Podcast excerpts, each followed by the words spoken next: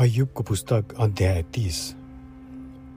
वर्तमान दुर्दशामा अयुबको बिलौना। तर अब जवानहरू ममाथि ठट्टा गरेर हाँस्छन्। ती मानिसहरू जसका बुवाहरूलाई मेरा भेडा रुग्ने कुकुरहरूसँग राख्न पनि म अयोग्य ठान्थेँ। तिनीहरूका बल या पाखुरा मेरो निम्ति के कामको थियो? किनभने तिनीहरूको शक्तिशाली पुरुषार्थ खत्तम भइसकेको थियो। तिनीहरू यति धेरै गरिब र भोकाएका हुन्थे कि राति उजाड ठाउँहरूका सुक्खा ठाउँमा तिनीहरू घुम्थे। खानका निम्ति तिनीहरू नुनिलो झार र ऐरेलु र झ्याउका जराहरू उखाल्थे। तिनीहरू मानिसहरूको समाजबाट लखेटिएर हल्ला खल्ला साथ चोरहरू झैँ खेदिएका भएर तिनीहरू सुक्खा खोलाका सतहमा जमिनका पालहरू र चट्टानका चिराहरूमा बस्थे। पशुहरू जस्तै तिनीहरू झाडीहरूमा कराउँथे र पोथ्राहरू मुनि गुटमुटिएर बस्थे। निज घरानामा जन्मेका बेनामी मानिसहरूको दल जो देशबाट खेदिए अब मलाई तिनीहरूका छोराहरूले गिल्ला गर्छन्।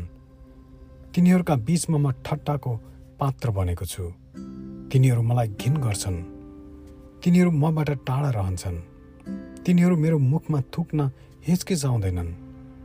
परमेश्वरले मेरो धनु फुकालिदिनु भएको र मलाई पीडा दिनुभएको हुनाले तिनीहरू मेरो विरुद्धमा आफ्ना सारा रिस पकाउँछन् तिनीहरू मेरो दाहिनेतिर मलाई आक्रमण गर्छन्।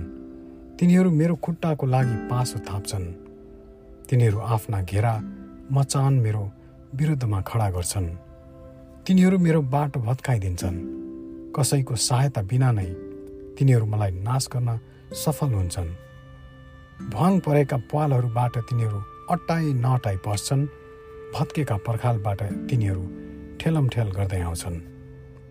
त्रासमाथि त्रासले मलाई घेर्छ। त्यसले मेरो गौरवलाई बतासले चाहिँ उडाएर लैजान्छ।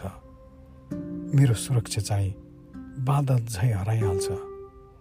अनि अब मेरो प्राण म भित्रै शेष हुँदै जाँदैछ। र कष्टका दिनहरूले मलाई आफ्नो पन्जामा पक्रेका छन्। राति पीडाले मेरो हड्डी हड्डीमा घोज्छ र मेरा पीडाहरूले कहिल्यै आराम लिँदैनन्।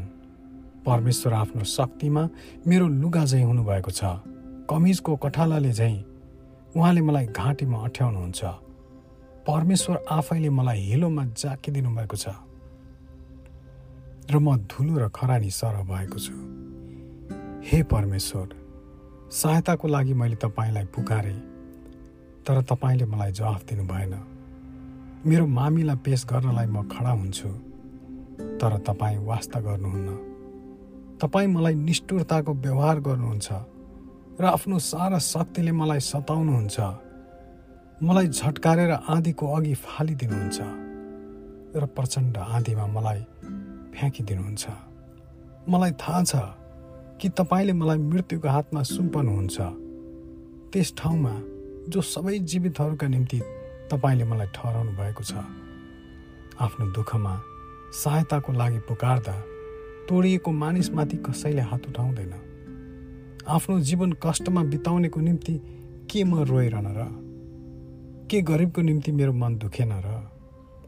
तापनि जब मैले भलाइको आशा गरेँ दुष्टता पो आइलाग्यो।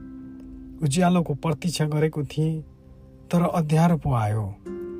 म भित्रको हलचल कहिले थामिएन। कष्टका दिनहरू मैले भोग्नुपर्छ।